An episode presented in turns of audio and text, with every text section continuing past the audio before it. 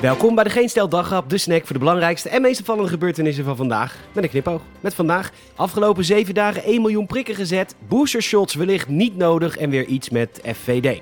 Mijn naam is Peter Bouwman en dit is het nieuws van Hemelvaartsdag, donderdag 13 mei.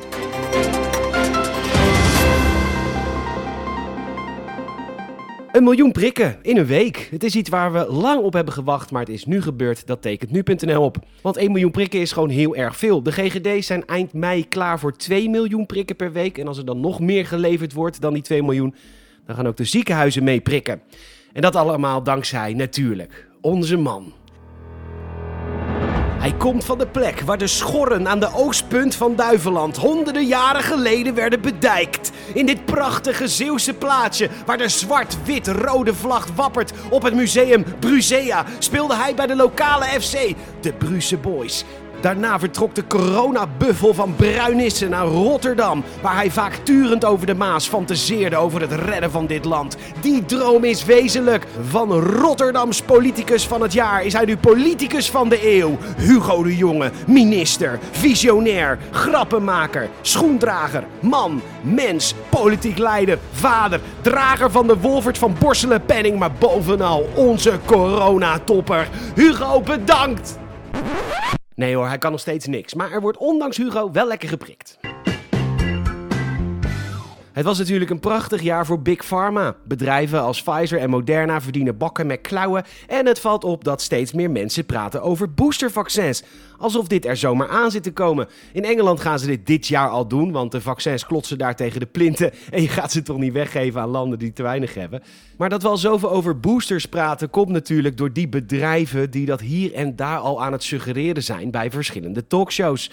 Ja, ho eens even, zeggen een aantal infectie- en vaccinatie-experts bij Reuters. Dr. Tom Frieden is daar één van. Hij was vroeger de Anthony Fauci van de CDC zeg maar de Jaap van Dissel van het RIVM, maar dan de voorganger. Dus eerder Roel Coutinho, die vroeger de Jaap van Dissel van het RIVM was. Of eerder de Anthony Fauci van de CDC. Maar goed, die man, Tom Frieden, die meldt dat er letterlijk nul bewijs is dat er straks daadwerkelijk boosters nodig zijn. Kate O'Brien van de Wereldgezondheidsorganisatie valt hem bij. Zij vindt dat vooral wetenschappers dit moeten onderzoeken en niet dat directeuren van medicijnboeren dat moeten roepen. De kans is aanwezig dat de opgeroepen respons genoeg zal zijn om het lichaam voor altijd antistoffen te laten maken. Bovendien is het gebruiken van boosters slecht voor de mensen in armere landen die allemaal nog zitten te wachten op een prik. Oké, niet allemaal, sorry, sorry. Dat, dat was een beetje negatief. 0,2% van de mensen in arme landen heeft al een prik gehad. Beetje positief blijven, hè? Het glas is 0,2% vol en niet 99,8% leeg.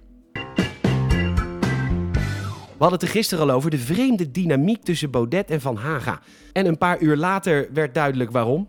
Van Haga split zich af samen met twee collega's. En dit allemaal dankzij de poster van Forum waarin de coronamaatregelen werden vergeleken met de Duitse bezetting in de Tweede Wereldoorlog. Dat kon niet, dat ging net te ver. En zo is Thierry Baudet als celdeling, want inmiddels zijn groep Otten, ja 21 en groep Van Haga ontstaan na oneenigheid met de partijleider. Het is een makkelijk mens. Ben je ook zo benieuwd hoe het voelt om als illegaal de grens over te gaan, bij bijvoorbeeld de Verenigde Staten? Neem een vliegtuig naar Engeland. The Guardian meldt dat er steeds meer EU-burgers in de gevangenis worden gezet bij aankomst in het land. Europeanen worden vastgezet als ze bijvoorbeeld een sollicitatiegesprek hebben in het land, terwijl er duidelijk is afgesproken dat dit zeker tot oktober wel mag. Afgelopen week zijn er zeker 12 mensen opgesloten, ook omdat het bijvoorbeeld niet meer is toegestaan om een onbetaalde stage in het land te ondergaan. De open grenzen zijn in ieder geval verleden tijd, zoveel is wel duidelijk.